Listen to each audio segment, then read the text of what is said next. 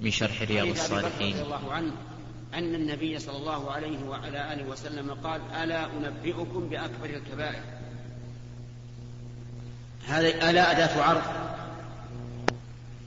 استفتح بها النبي صلى الله عليه وعلى آله وسلم كلامه للتنبيه المخاطب إلى إلى أمر ذي شأن.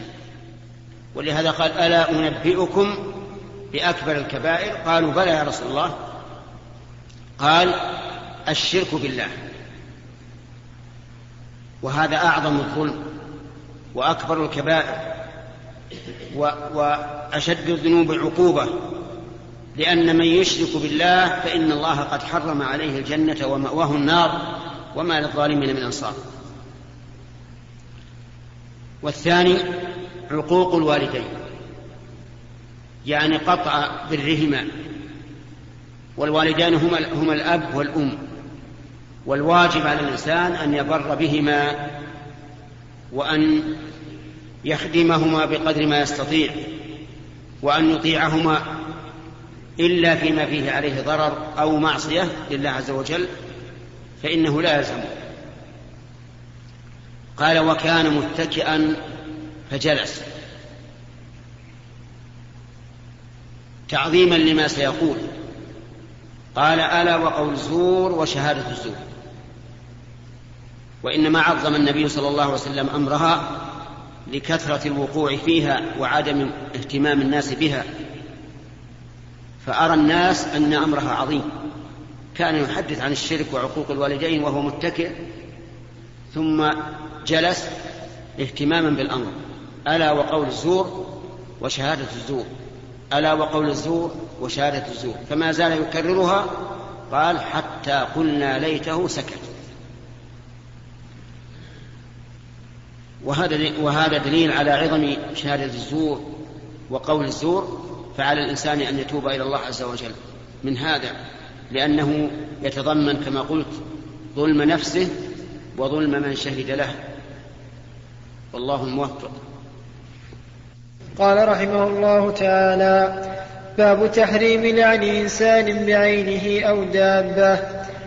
عن أبي زيد بن ثابت بن الضحاك الأنصاري رضي الله عنه وهو من أهل بيعة الرضوان قال قال رسول الله صلى الله عليه وسلم من حلف على يمين بملة غير الإسلام كاذبا متعمدا فهو كما قال ومن قتل نفسه بشيء عذب به يوم القيامة وليس على رجل نذر فيما لا يملكه ولعن المؤمن كقتله متفق عليه. قال قال المؤلف رحمه الله في كتابه رياض الصالحين باب تحريم لعن معين من آدمي أو دابة. اللعن معناه الطرد والإبعاد عن رحمة الله. فإذا قلت اللهم العن فلانا فإنك تعني أن الله يبعده ويطرده عن رحمته والعياذ بالله. ولهذا كان لعن المعين من كبائر الذنوب. يعني لا يجوز أن تلعن إنسان بعينه فتقول اللهم لعن فلانا أو تقول لعنة الله عليك أو ما أشبه ذلك. حتى لو كان كافرا وهو حي فإنه لا يجوز أن تلعنه. لأن النبي صلى الله عليه وسلم لما صار يقول اللهم لعن فلانا اللهم لعن فلانا يعينهم قال الله له ليس لك من الأمر شيء أو يتوب عليهم أو يعذبهم فإنهم ظالمون. ومن الناس من تأخذه الغيرة فيلعن الرجل المعين إذا كان كافرا. وهذا لا يجوز لأنك لا تدري فلعل الله تعالى أن يهديه. وكم من إنسان كان من أشد الناس عداوة للمسلمين وللإسلام هداه الله وصار من خيار عباد الله المؤمنين. ونضرب لهذا مثلا عمر بن الخطاب رضي الله عنه الرجل الثاني بعد أبي بكر في هذه الأمة كان من ألد أعداء الإسلام. ففتح الله عليه فأسلم. خالد بن الوليد كان يقاتل المسلمين في أحد وهو من جملة من كر عليهم وداهمهم عكرمة بن أبي جهل وغيرهم من كبار الصحابة الذين كانوا من أول من من ألد أعداء المسلمين. فهداهم الله عز وجل. ولهذا قال ليس لك من الأمر شيء أو يتوب عليهم أو يعذبهم فإنهم ظالمون. أما إذا مات الإنسان على الكفر وعلمنا أنه من الكفار فلا بأس أن نلعنه لأنه ميؤوس من هدايته والعياذ بالله حيث مات على الكفر. ولكن ما الذي نستفيده من لعنه؟ ربما يدخل هذا أعني لعنه بقول النبي صلى الله عليه وعلى آله وسلم لا تسبوا الأموات فإنهم أفضوا إلى ما قدموا ونحن نقول لهذا الرجل الذي يلعن الكافر الذي مات على الكفر نقول إن لعنتك إياه لا فائدة منها في الواقع لأنه قد استحق الطرد والإبعاد عن رحمة الله. فليس من أهل رحمة الله أبدا بل هو من أصحاب النار. هم فيها خالدون. وكذلك أيضا البهائم. لا يجوز أن تلعن البهيمة. البعير حمار بقرة شاة. لا يجوز أن تلعنها. وسيأتي إن شاء الله في الأحاديث ما يبين حكم ذلك. افتح الحديث. ثم ذكر المؤلف حديث أبي زيد بن ثابت رضي الله عنه. أن النبي صلى الله عليه وسلم قال من حلف على يمين بملة غير الإسلام وهو فيها كاذب متعمدا فهو كما قال. مثال ذلك إذا قال الإنسان هو يهودي أو نصراني إن كان كذا وكذا وكان الأمر على خلاف ما يقول فإنه كما قال يعني أنه يهودي أو نصراني. نسأل الله العافية. مثال هذا أخبرنا رجل جاء إلينا وقال إنه قدم فلان أمس. قلنا ما ما هو صحيح. قال هو يهودي إن كان ما قدم. فتبين أنه لم يقدم. والرجل قال هو يهودي متعمدا. فيقول فبين الرسول عليه الصلاة والسلام أنه كما قال كما قال عن نفسه أي أنه يصير يهوديا أو نصرانيا. وهذا يدل على أن الحلف بملة غير الإسلام كاذبا متعمدا من كبائر الذنوب. فإن كان غير كاذب بأن كان صادقا فإنه ليس لا, لا يلحقه هذا الوعيد لكننا نقول له إذا كنت حالفا فاحلف بالله. كما قال النبي صلى الله عليه وعلى آله وسلم من كان حالفا فليحلف بالله أو ليصمت. وكذلك إن كان قال ذلك غير متعمد. يعني يظن أن الأمر كذلك وتبين أن الأمر على خلاف ما ما اعتقد فإنه لا يدخل في هذا الوعيد. ويستفاد من هذا الحديث أن الإنسان إذا حلف على شيء بالله إذا حلف بالله على شيء معتقدا أنه كما حلف ثم تبين أنه على خلاف اعتقاده فإنه لا إثم عليه ولا كفارة عليه. مثال ذلك لو قال فلان سيقدم غدا. متأكد يقول إني متأكد. والله لا يقدمن غدا. قال ذلك بناء على ظنه. ثم لم يقدم فلا فلا كفارة عليه. لأنه حلف على ظنه غير متعمد. ولذلك أقر النبي صلى الله عليه وسلم الرجل الذي قال والله ما بين لابتيها أهل بيت أفقر مني يعني ما بين لابتي المدينة أهل بيت أفقر منه مع أن هذا الرجل لم يأتي على كل البيوت يفتش فيها.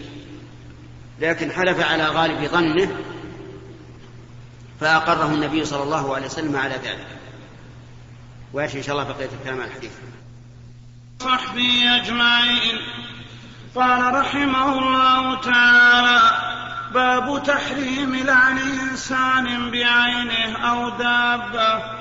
عن أبي زيد بن ثابت بن الضحاك الأنصاري رضي الله عنه وهو من أهل بيات الرضوان.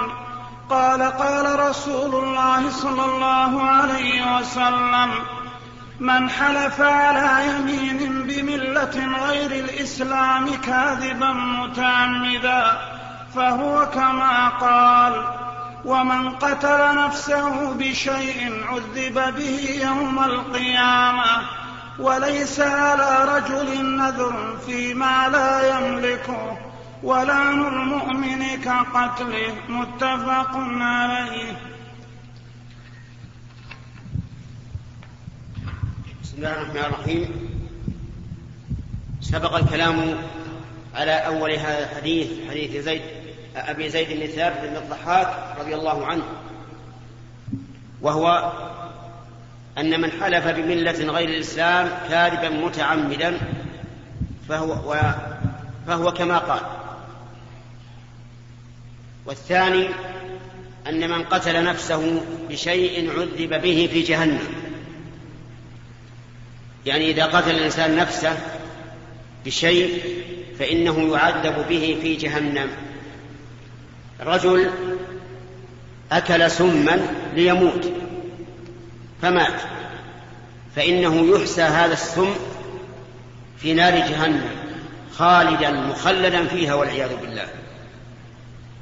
آه، صعد إلى السقف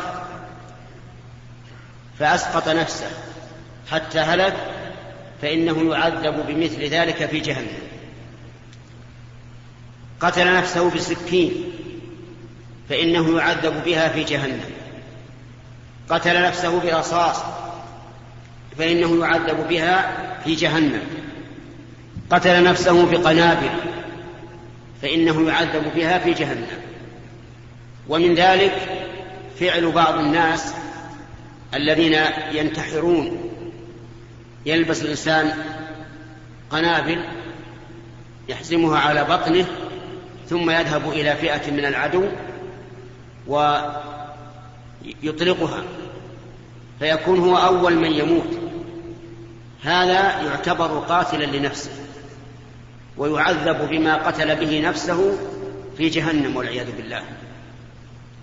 وهؤلاء يطلقون على أنفسهم الفدائيين ولكنهم قتلوا أنفسهم. فيعذبون في نار جهنم بما قتلوا به أنفسهم. وليسوا بشهداء لأنهم فعلوا فعلا محرما. والشهيد هو الذي يتقرب إلى الله تعالى بفعل ما أمره الله به لا بفعل ما نهاه عنه. والله عز وجل يقول لا تقتلوا أنفسكم إن الله كان بكم رحيما. ويقول لا تلقوا بأيديكم إلى التهلكة وأحسنوا إن الله يحب المحسنين. لكننا نقول هؤلاء الذين نسمع عنهم أنهم يفعلون ذلك نرجو أن لا يعذبوا لأنهم جاهلون متأولون لكنه ليس لهم أجر وليسوا بشهداء لأنهم فعلوا ما لم يأذن به الله بل ما نهى الله عنه. فإن قال قائل أليس الصحابة يغامرون فيدخلون صف الأعداء من الروم وغير الروم؟ قلنا بلى. لكن هل هذا قتل لأنفسهم؟ ليس بقتل. صحيح أنهم على خطر لكن في احتمال احتمال النجاة. ولهذا ينجون. يدخلون صفوف الروم ويقتلون من شاء الله ثم يرجعون إلى الجيش. وكذلك ما فعله البراء بن مالك رضي الله عنه في غزوة في وقعة اليمامة. فإنهم لما وصلوا إلى حائط مسيلمة الكذاب وجدوا الباب مغلقا ولم يتمكنوا من دخوله. وكان البراء بن مالك رضي الله عنه شجاعا. أخو أنس بن مالك كان شجاعا فطلب من الجيش أن يلقوه من وراء الجدار ليفتح لهم الباب. ففعلوا ألقوه من وراء الجدار من أجل أن يفتح لهم الباب حتى يدخل على مسيلمة في حصنه وفعلا فتح لهم الباب ونجا. فلا يجوز فلا يمكن أن يستدل بمثل هذه الوقائع على جواز الانتحار الذي يفعله هؤلاء الجهال. ولكن نقول نرجو من الله عز وجل أن لا يؤاخذهم بما صنعوا لأنهم صنعوا ذلك عن جهل وحسن نية. فمن قتل نفسه بشيء فإنه يعذب به في نار جهنم. واعلم أنه قد ورد في من قتل نفسه بشيء أنه يعذب به في جهنم خالدا مخلدا فيها أبدا. فذكر التأبيد. فهل يعني ذلك أنه كافر لأنه لا يستحق الخلود المؤبد إلا الكفار؟ الجواب لا ليس بكافر بل يغسل ويكفن ويصلى عليه ويدعى له بالمغفرة كما فعل النبي صلى الله عليه وسلم في في الرجل الذي قتل نفسه بمشاقص فقدم إلى الرسول عليه الصلاة والسلام ليصلي عليه ولكنه لم يصلي عليه وقال صلوا عليه فصلوا عليه بأمر الرسول عليه الصلاة والسلام. وهذا يدل على أنه لا ليس بكافر وحينئذ لا يستحق الخلود. المؤبد كما ذكر في الحديث من ذكر التأبيد إن كانت اللفظة محفوظة عن النبي صلى الله عليه وعلى آله وسلم فالمراد شدة, شدة التهديد والتنفير من هذا العمل. وإلا فليس بكافر الجملة الثالثة أن لعن المؤمن كقتله. يعني إذا قلت للمؤمن لعنك الله فكأنما قتلته. لأن اللعن هو الطرد والإبعاد عن رحمة الله. ومن طرد وأبعد عن رحمة الله صار كالمقتول الذي عدم الحياة الدنيا. فإن ذاك المطرود المبعد عن رحمة الله حرم حياة الآخرة. والقتل يحرم به المقتول من حياة الدنيا.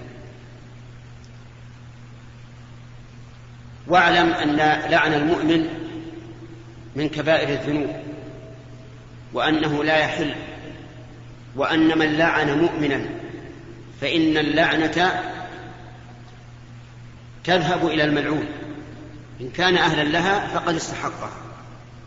وإن لم يكن أهلا لها لعن رجعت إلى قائلها والعياذ بالله. فصار هو الملعون المطرود عن رحمة الله. والله موفق. نعم. أي. الإضراب عن الطعام حتى يموت هذا من قتل النفس. نعم. والصلاة والسلام على نبينا محمد وعلى آله وصحبه أجمعين. قال رحمه الله تعالى باب تحريم لعن إنسان بعينه أو دابة.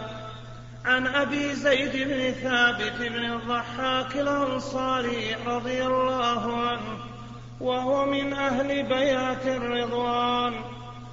قال رسول الله صلى الله عليه وسلم من حلف على يمين بملة غير الإسلام كاذبا متعمدا فهو كما قال ومن قتل نفسه بشيء عذب به يوم القيامة وليس على رجل نذر فيما لا يملكه.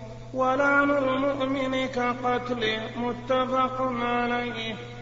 وعن أبي هريرة رضي الله عنه أن رسول الله صلى الله عليه وسلم قال لا ينبغي لصديق أن يكون لعانا. رواه مسلم.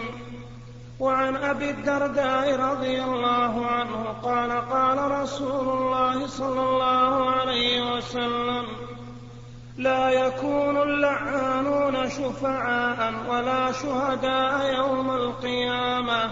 رواه مسلم.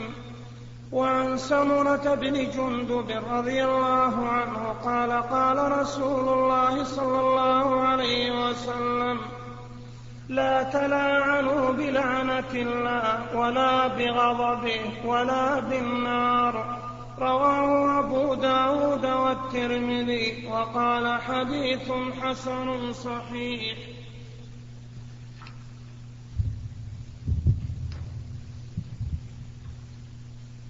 بسم الله الرحمن الرحيم. سبق الكلام على أول حديث أبي زيد بن ثابت الضحاك رضي الله عنه وبقي فيه جملة تركناها وهي قوله صلى الله عليه وسلم ولا نذر على ابن آدم فيما لا يملك.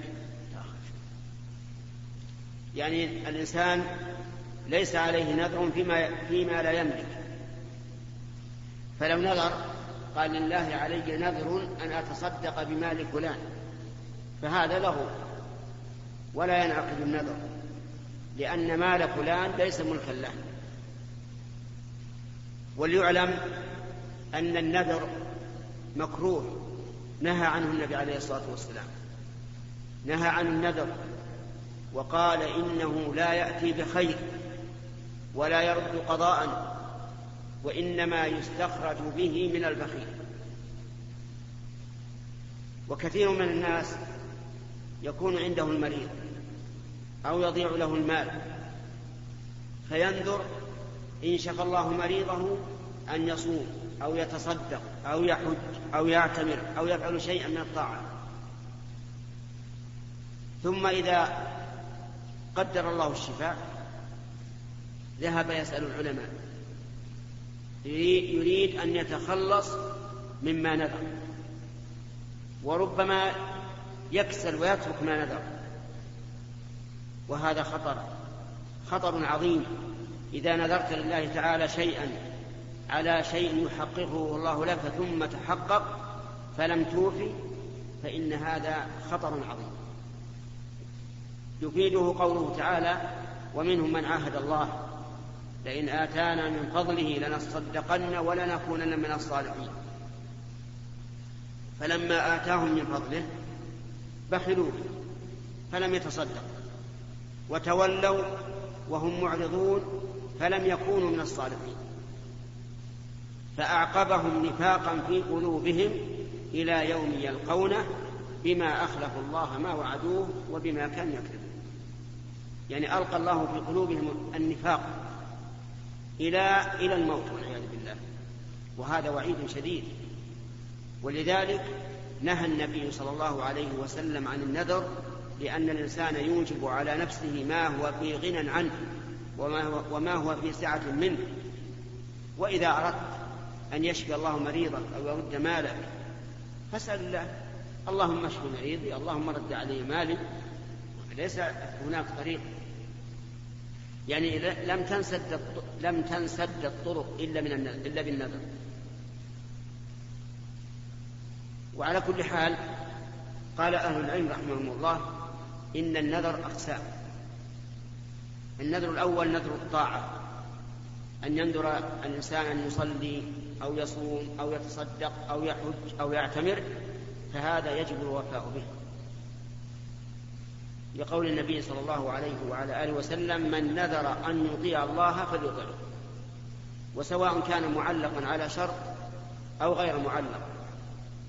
الثاني نذر المعصية فهذا لا يجوز الوفاء به. مثل أن ينذر الإنسان أن لا يكلم فلانا. وفلان من المؤمنين الذين لا, لا يهجرون. لكن صار بينه وبينه عداوة. يعني سوء تفاهم. قال لله علي نذر ما أكلم فلانا. أو لله علي نذر ما أزور أخي قريب أو ما أشبه ذلك. هذه معصية. وحرام ولا يجوز الوفاء بهذا النذر لقول النبي صلى الله عليه وسلم من نذر أن يعصي الله فلا يعصي. ولكن ماذا يكون؟ يجب عليه أن يكفر كفارة يمين. الثالث آه، ما يسمى عند العلماء بنذر اللجاج اللجاج والغضب. وهو الذي يقصد به الإنسان المنع أو الحث أو التصديق أو التكذيب. مثل أن يقول لله علي نذر أن لا أفعل كذا وكذا يحمله على ذلك أنه يريد الامتناع. ما أراد النذر لكن أراد أراد معنى اليمين فهذا يخير بين فعله إن كان فعلا أو تركه إن كان تركا وبين كفارة اليمين مثاله أن يقول لله علي ناظر لا ألبس هذا الثوب. نقول لك الآن بالخيار. إن شئت البس وكفر كفارة يمين وإن شئت فلا تلبس ولا كفارة عليك.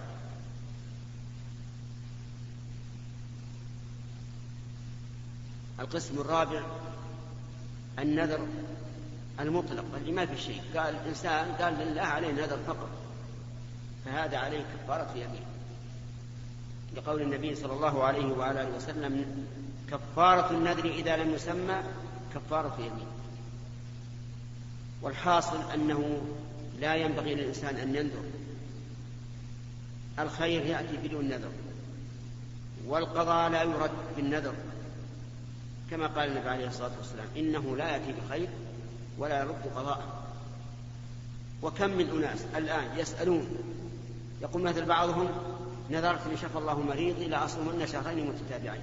فمن اللي حدك على هذا؟ إذا شفى الله مريضة لزمه أن يصوم شهرين متتابعين. بعض الناس يقول إذا نذرت إن شفى الله مريضا أن أذبح سبعا من الإبل. أعوذ بالله من اللي حدك إن شفى الله مريضة لزمه أن يذبح سبعا من الإبل ويتصدق بها ولا يأكل منها شيئا. آه، نذر إن رد غائبه فإنه يذبح شاة. ما له داعي. لكن لو رد الله الغائب وجب عليه أن يذبح شاة ويتصدق بها ولا يأكل منها شيء. فاترك النذر.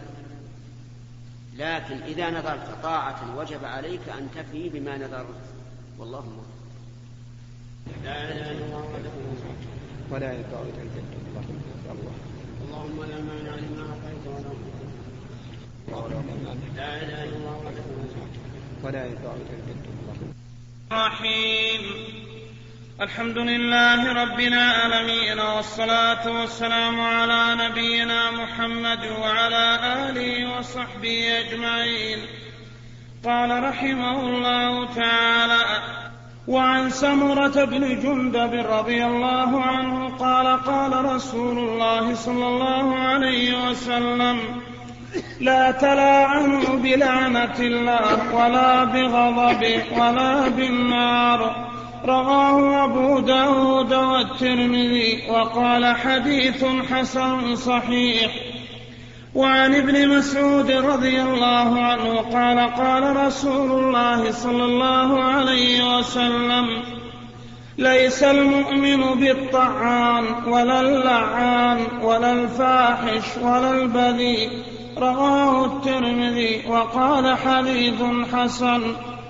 وعن أبي الدرداء رضي الله عنه قال قال رسول الله صلى الله عليه وسلم إن العبد إذا لعن شيئا صعدت اللعنة إلى السماء فتغلق أبواب السماء دونها ثم تهبط إلى الأرض فتغلق أبوابها دونها ثم تأخذ يمينا وشمالا فإذا لم تجد مساغا رجعت إلى الذي لعن.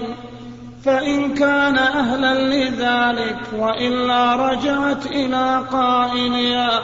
رواه أبو داود.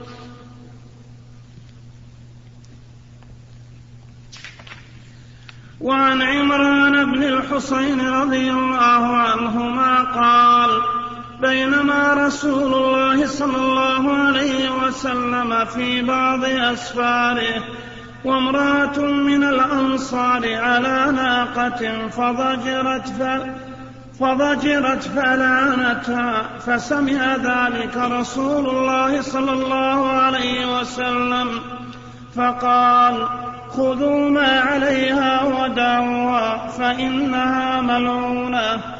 قال عمران فكأني أراها الآن تمشي في الناس ما يعرض لها أحد رواه مسلم. بسم الله الرحمن الرحيم. هذه أحاديث ساقها النووي رحمه الله في كتابه في كتابه رياض الصالحين في التحذير من اللعن. فمنها حديث سمرة بن جندب أن النبي صلى الله عليه وعلى آله وسلم قال لا تلاعنوا بلعنة الله ولا بغضبه ولا بالنار. يعني لا يلعن بعضكم لا يلعن بعضكم بعضا بلعنة الله. فيقول لصاحبه لعنك الله. ولا بغضبه. فيقول غضب الله عليك. ولا بالنار. فيقول أدخلك الله النار. كل هذا حذر منه النبي عليه الصلاة والسلام لأنه قد يقال لمن لا يستحقه. وكذلك أيضا حديث أن أن النبي صلى الله عليه وعلى آله وسلم قال ليس المؤمن بالطعان ولا باللعان ولا بالفاحش ولا بالبذي وهذا يدل على أن هذه الأمور نقص في الإيمان. وأنها تسلب عن المؤمن حقيقة الإيمان وكمال الإيمان. فلا يكون طعانا يطعن بالناس بأنسابهم أو بأعراضهم أو بشكلهم وهيئاتهم أو بأعمالهم ولا باللعان الذي ليس له هم إلا اللعنة كل كلمة لعنك الله قل كذا لعنك الله ليش قلت كذا؟ أو يقول لأولاده لعنكم الله هاتوا هكذا هاتوا هذا أو ما أشبه ذلك. فالمؤمن ليس باللعان ولا بالفاحش. الفاحش الذي يفحش بكلامه بصراخ أو نحو ذلك ولا بالبذي الذي يعتدي على غيره. فالمؤمن مؤمن مسالم ليس عنده فحش في قول ولا فعل ولا غير ذلك لأنه مؤمن. وكذلك حديث اللعنة أن الإنسان إذا لعن شخصا أو شيئا من الأشياء. صعدت اللعنة إلى السماء. فتغلق أبواب السماء دونه ثم تهبط إلى الأرض. فتغلق الأرض دونها أبواب الأرض دونها. ثم تذهب يمينا وشمالا. ثم ترجع إلى الذي لعن. فإن كان أهلا لها فقد استحقها. وإلا رجعت إلى قائلها. وهذا وعيد شديد. على من لعن من ليس أهلا للعنة فإنها فإن اللعنة تتجول في السماء والأرض واليمين والشمال ثم ترجع في النهاية إلى قائلها إذا لم يكن الملعون أهلا. ثم ذكر حديث عمران بن حصين امرأة كانت على بعير لها فضجرت منها وتعبت وسائمت ولعنتها. قالت لعنك الله. فسمع ذلك النبي صلى الله عليه فسمع ذلك النبي صلى الله عليه وعلى آله وسلم. فأمر أن يؤخذ ما عليها من الرحل والمتاع وتعرى يعني البعير ثم تترك. قال فلقد رأيتها في الناس لا لا يعترض لا يتعرض لها أحد. لأن النبي صلى الله عليه وسلم أمر أن تترك. وهذا من باب التعزير تعزير هذه المرأة. أن تلعن دابة لا تستحق اللعن ولهذا قال لا تصحبنا دابة ملعونة لأن هذه المرأة لعنتها والملعون لا ينبغي أن يكون أن, أن يستعمل. فلذلك نهى النبي صلى الله عليه وسلم عنه وتركها. فيكون هذا تعزيرا للمرأة التي لعنت هذه الدابة وهي لا تستحق.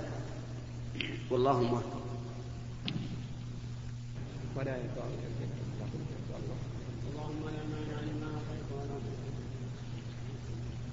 بسم الله الرحمن الرحيم. الحمد لله رب العالمين والصلاة والسلام على نبينا محمد وعلى آله وصحبه أجمعين. قال رحمه الله تعالى باب جواز لعن أصحاب المعاصي غير المعينين. قال الله تعالى ألا لعنة الله على الظالمين؟ وقال تعالى فأذن مؤذن بينهم اللعنة الله على الظالمين. وثبت في الصحيح أن رسول الله صلى الله عليه وسلم قال لعن الله الواصلة والمستوصلة وأنه قال لعن الله آكل الربا وأنه لعن المصورين وأنه قال لعن الله من غير منار الأرض أي حدودا وأنه قال لعن الله السارق يسرق البيضة وأنه قال لعن الله من لعن والديه. ولعن الله من ذبح لغير الله. وأنه قال من أحدث فيها حدثا أو آوى محدثا فعليه لعنة الله والملائكة والناس أجمعين. وأنه قال اللهم العن وذكوان وعصيا عصوا الله ورسوله وهذه ثلاث قبائل من العرب. وأنه قال لعن الله اليهود اتخذوا قبور أنبيائهم مساجد. وأنه لعن المتشبهين من الرجال بالنساء. والمتشبهات من النساء بالرجال وجميع هذه الألفاظ في الصحيح بعضها في صحيحي البخاري ومسلم وبعضها في أحدهما. بسم الله الرحمن الرحيم. قال المؤلف رحمه الله تعالى في كتابه رياض الصالحين لما ذكر تحريم لعن المعين وأنه لا يجوز أن تلعن شخصا معينا ولو كان كافرا ما دام حيا. لأنك لا تدري فلعل الله أن يهديه عز وجل فيعود إلى الإسلام إن كان مرتدا أو يسلم إن كان كافرا أصليا. ذكر بعد ذلك رحمه الله بابا في جواز لعن, لعن أصحاب المعاصي غير المعينين. لأن هناك فرقا بين المعين وبين العام. فيجوز أن تلعن أصحاب المعاصي على سبيل العموم. إذا كان إذا كان ذلك لا يخص شخصا بعينه. ثم استدل بآيات وأحاديث رحمه الله منها قول الله تعالى ألا لعنة الله على الظالمين وقوله فأذن مؤذن بينهم اللعنة الله على الظالمين وعلى هذا فيجوز أن تقول اللهم لعن الظالمين على سبيل العموم. ما شخص واحد معين فيشمل كل كل ظالم. وكذلك ثبت عن النبي عليه الصلاة والسلام أنه لعن الواصلة والمستوصلة.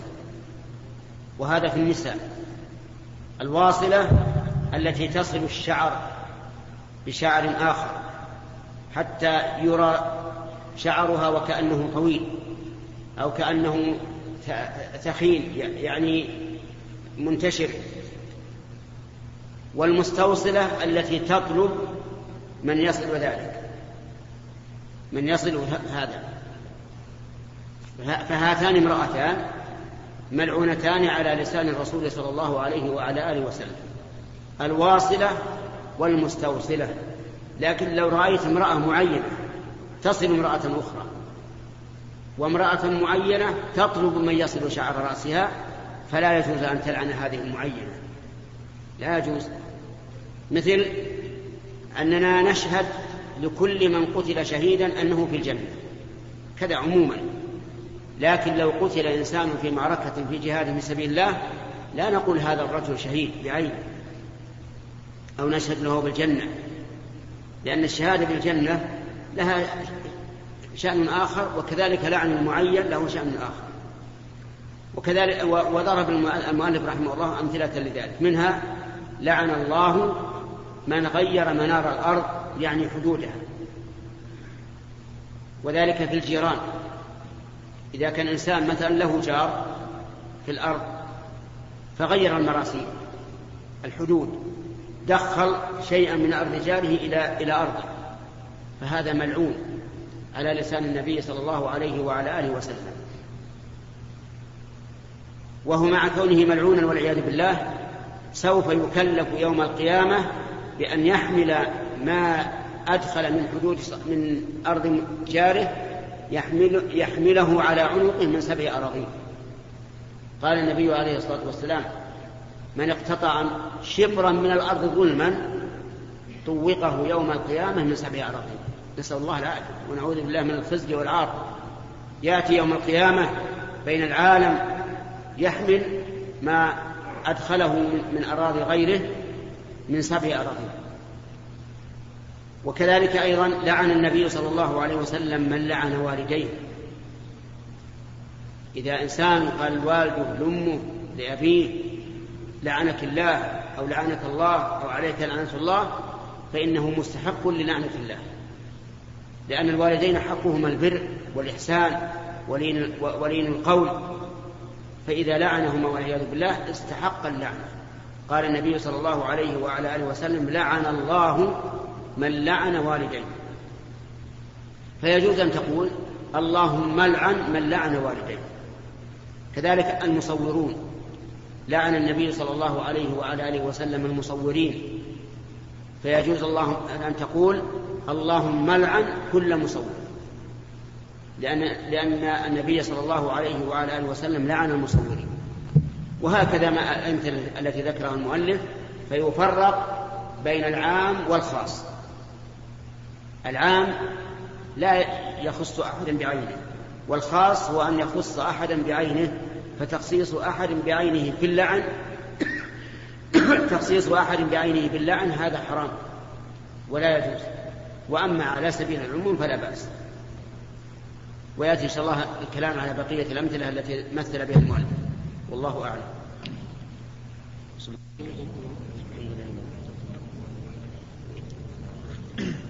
بسم الله الرحمن الرحيم. الحمد لله رب العالمين والصلاة والسلام على نبينا محمد وعلى آله وصحبه أجمعين. قال رحمه الله تعالى باب جواز لعن أصحاب المعاصي غير المعينين. ثبت في الصحيح أن رسول الله صلى الله عليه وسلم قال لعن الله الواصلة والمستوصلة وأنه قال لعن الله آكل الربا. وأنه لعن المصورين. من هذه الأحاديث بل هذا أخرجه المؤلف رحمه الله لبيان جواز لعن أهل المعاصي غير المعينين. وقد سبق في الباب الذي قبله أنه لا يجوز لعن المعين ولو كان كافرا. أما غير المعين بأن يلعن الإنسان من اتصف بهذه الصفة فهذا لا بأس به. فقد ثبت عن النبي صلى الله عليه وعلى آله وسلم أنه لعن الواصلة والمستوصلة. الواصلة هي التي تصل الشعر والمستوصلة هي التي تطلب من يصل. يعني أن المرأة يكون رأسها قصيرا وشعرها قليلا فتجعل فتضيف إلى رأسها شيئا من الشعر لأجل أن يكون طويلا عندما يراه الناس وكثيفا. فلعن النبي صلى الله عليه وعلى آله وسلم من فعل ذلك. وظاهر الحديث حتى ولو كان شعرها قليلا جدا فإنه لا يجوز لها ذلك. ومن هذا ما يسمى بالباروكة. فإن بعض علمائنا المحققين قالوا إن لبس الباروكة من الوصل. وأن التي تلبس الباروكة ولو للتجمل ملعونة والعياذ بالله. وهل يلحق بذلك ما يسمى بالعدسات الملونة التي تلبسها بعض النساء؟ ربما يقال إنه يلحق بذلك لأن المرأة تضع شيئا يجمل عينه يجعل عينها كأنها عين إنسانة أخرى إما إلى حمراء أو خضراء حتى سمعت بعضها بعضهن يقولون إنه يجعلون يجعلون عدسات لونها أخضر بعضها لونها أزرق وما أشبه ذلك. فالاحتياط أن يقال إنها تلحق بذلك لأنه لا فرق بينها وبين الشعر. فإن قال قائل هذه مثل الكحل لا تثبت قلنا وكذلك وصف الشعر لا يثبت. فلهذا أخشى أن يكون أن تكون هذه العدسات الملونة من جنس الوصف. ثم إنه ثبت من الناحية الطبية أنها مضرة بالعين. وإن كان ضررها لا يرى في المدى القصير لكن يرى على المدى الطويل. قال وثبت أنه لعن آكل الربا يعني وموكله لعن الرسول عليه الصلاة والسلام في الربا خمسة. آكله